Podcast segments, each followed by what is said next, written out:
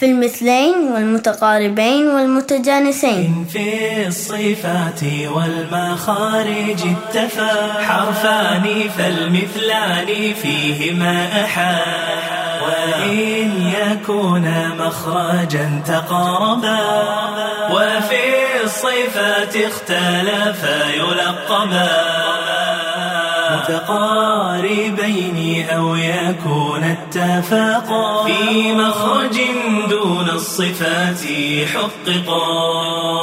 بالمتجانسين ثم إن سكن. أول كل فالصغير سميا.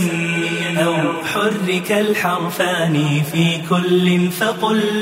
كل كبير وافهمنه. مثل